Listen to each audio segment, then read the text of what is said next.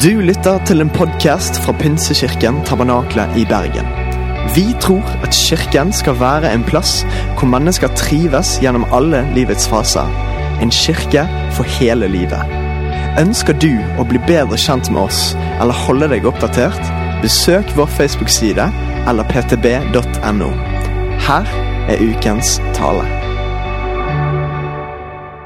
Och när vi skriver dator och mail och inlägg och bloggar så är det så sällan jag ser ansiktet hos den jag sänder till. Så sällan jag möter. Och ibland så används datorer och bloggar till att skicka stygga meddelanden. För du slipper ju se sorgen i ansiktet, i ögonen hos dem du skickar till. Smärtan hos den Samtidigt så missar vi välsignelsen av att se glädjen i ansiktet, i ögonen. Detta att möta ett ansikte, en blick och förstå födelserna och känslorna som den människan har när du ser tårarna rinna ner. Det är något fantastiskt.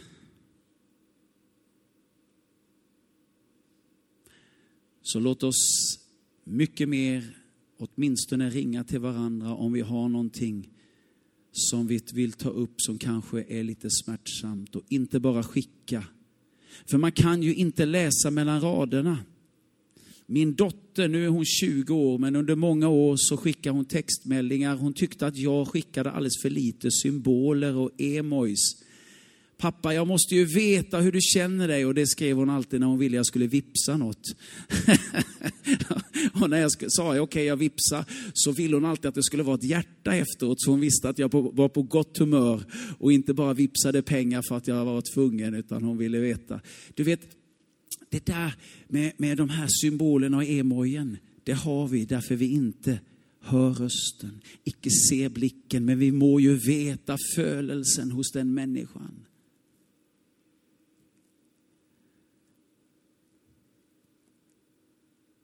Att möta Gud ansikte mot ansikte var något som Adam och Eva i lustgården hade som en fantastisk välsignelse.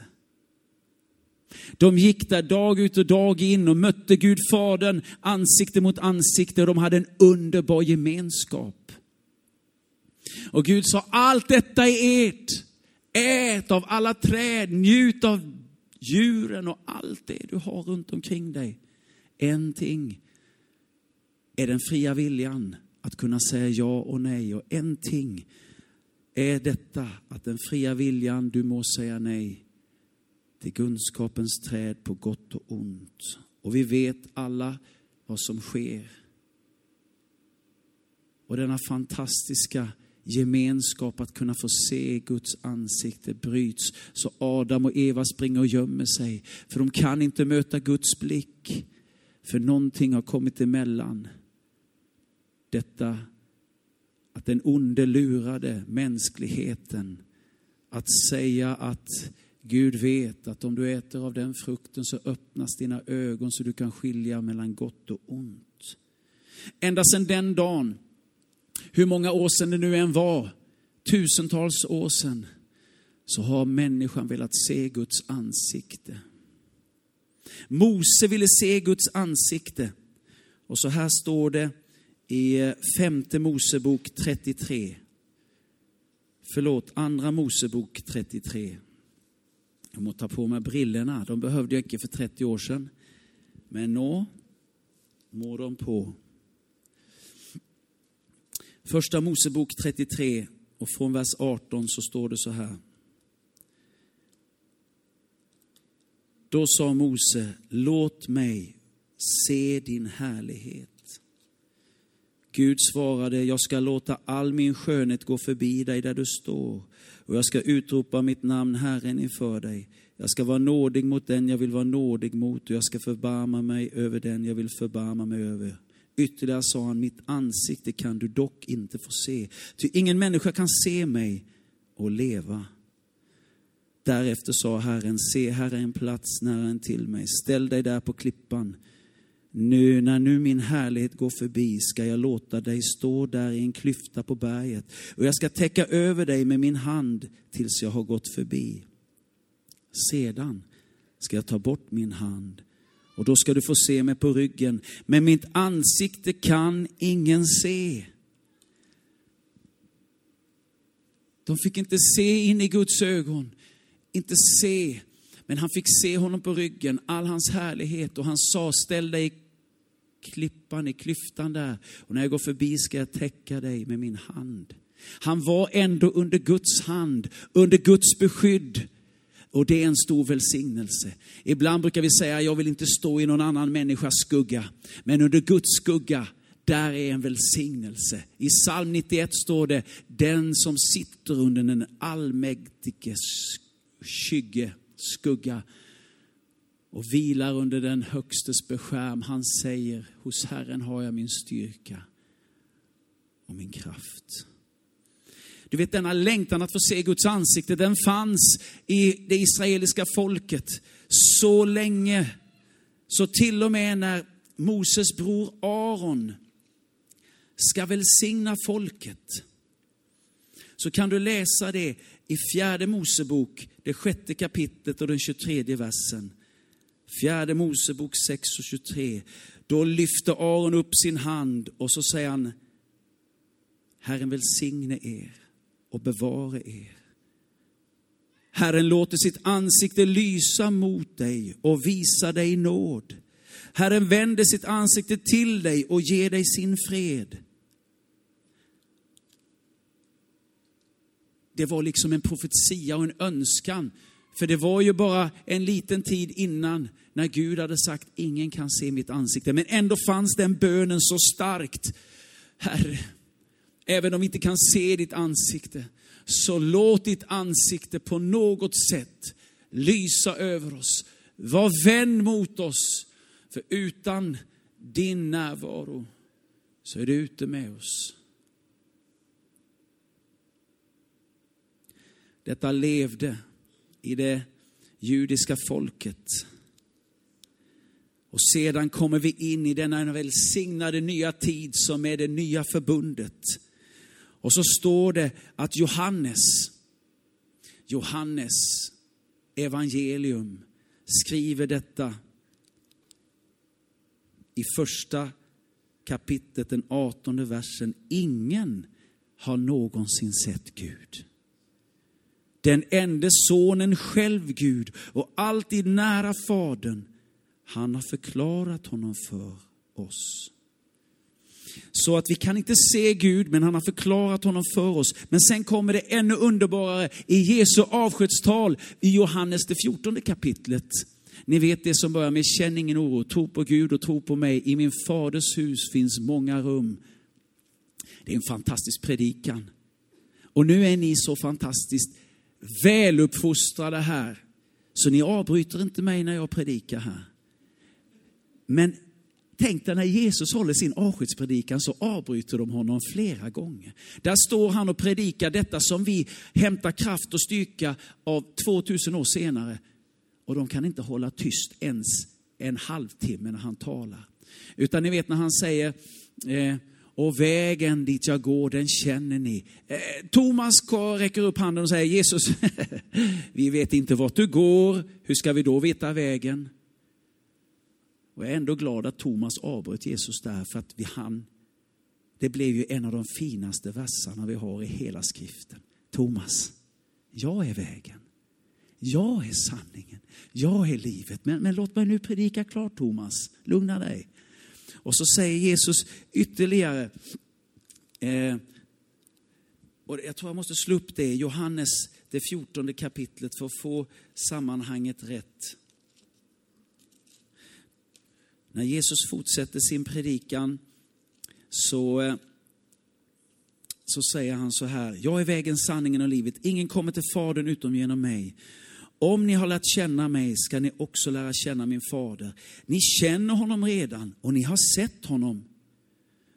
Filippus, Jesus, innan du går vidare Jesus, så eh, det är bara en sak Jesus. Och så säger Filippus så här, Herre, visa oss Fadern, det är nog för oss. då är det som om Jesus ändå blir lite trött. Och så säger han så här, Filippos, så länge har jag varit tillsammans med er och ändå känner du mig inte. Den som har sett mig har sett Fadern.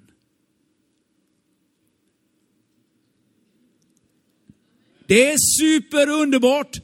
Det är det nya förbundet. Helt plötsligt så kan vi på nytt se in i Guds ansikte, se in i Guds ögon. Därför den som har sett Jesus, han har sett Fadern, för de är absolut ett med varandra. Detta är helt underbart. Det tar kanske 4000 år. Det beror på hur man räknar från Adam och Eva. 4000 år av längtan att få på nytt se Guds ansikte och så kommer Guds härlighet över Kristus. Han döps av Johannes döparen, anden kommer ner och han visar oss vem Jesus är. Vem Gud är. Du vet, Jesus, han är pappa upp i dagen.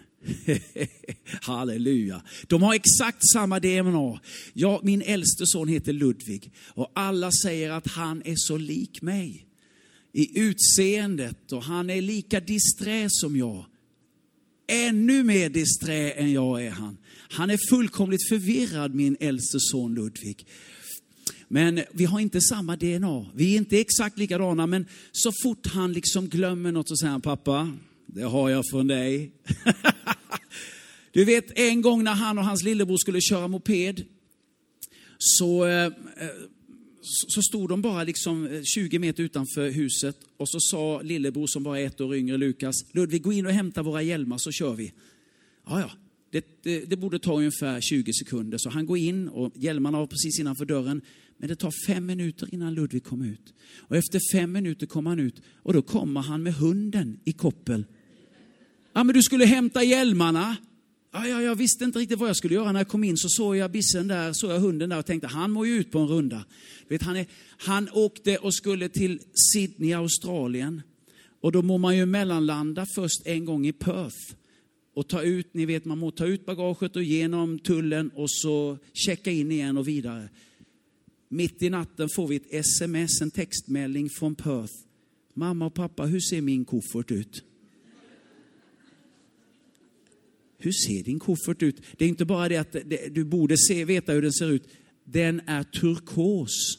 Det är ingen annan koffert som liknar den överhuvudtaget. Du vet, men jag måste säga, han har många goda sidor, Åke.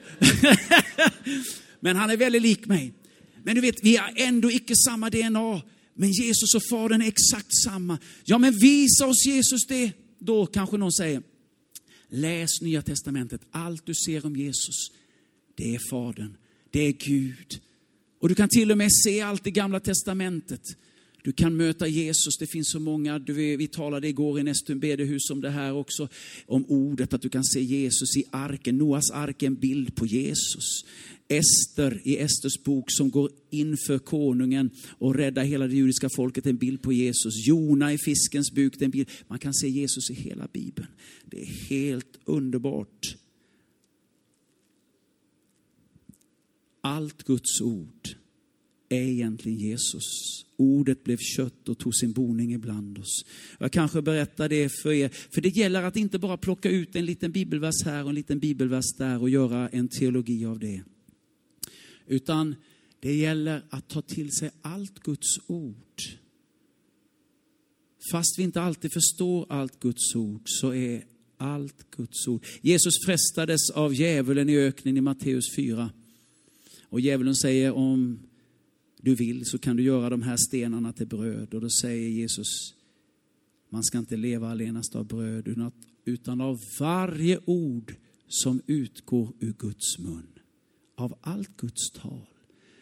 Och allt Guds tal, summan av Guds ord är sanning. Ordet blev kött och tog sin boning ibland oss, det är Kristus Jesus. Ibland tar vi en liten vers och så bygger vi en egen liten teologi som passar mig och som på något sätt bejakar min synd och min slöhet eller annat. Tänk att få säga, du har hört historien om den lille pojken som ljög så mycket. De tillhörde, undrar, undrar om inte de tillhörde här i tabernaklet faktiskt, familjen. Men han ljög något så kopiöst den där lille pojken. Nej, nu vet jag. De tillhörde Nestum bedehus, ja just det. Tur. Men han ljög så mycket så vid ett tillfälle så kom han in till mamma och sa, mamma det gick en löv i hagen. Nej, vi bor här i bergen, det finns ingen löve i hagen. Jo mamma det var en löve. Och då, hon var så irriterad, men de var ju en god kristen familj så de hade ingen eh, eh skamvrå, men de hade en tänkarhörna de skickade in grabben när han ljög. Så de skickade in honom där och mamma sa, du kommer inte tillbaka för du talar sanning. Efter två minuter kom han tillbaka och strålade med ögonen. Mamma, mamma, jag har talat med Gud. Och mamma, vad sa Gud då? Ja, han syntes också, det var en löve. Du vet, vi kan vända Guds ord så det passar mig så det passar min teologi. Nej, hela Guds ord, allt Guds ord är sanning. Och det är Kristus Jesus. Nu ska vi strax gå in för landning här. Men så tänker jag, men vad ser Gud i mig? Att jag ser hans ansikte är ju en sak, men vad ser han i mig? Vet du vad Gud ser i dig? Han ser sig själv. Han ser sig själv vi är Guds avbilder. Och han älskar dig så oerhört. Åh, om du kunde förstå det. Han ser sig själv i dig. Vi går rast vidare och så tänker jag, han som har skapat dig. En dag ska du möta honom. Men först så ska vi dömas. Du vet, det, jag vet att det inte heter, men söndagen innan första advent i Sverige heter domssöndagen.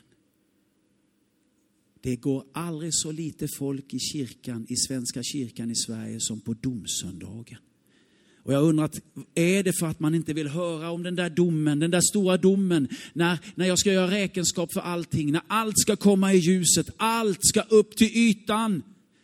Kanske det är för att det är första advent helgen efter och man satsar på att gå då istället. Eller är det det där att vi inte känner, vi vill inte bli dömda.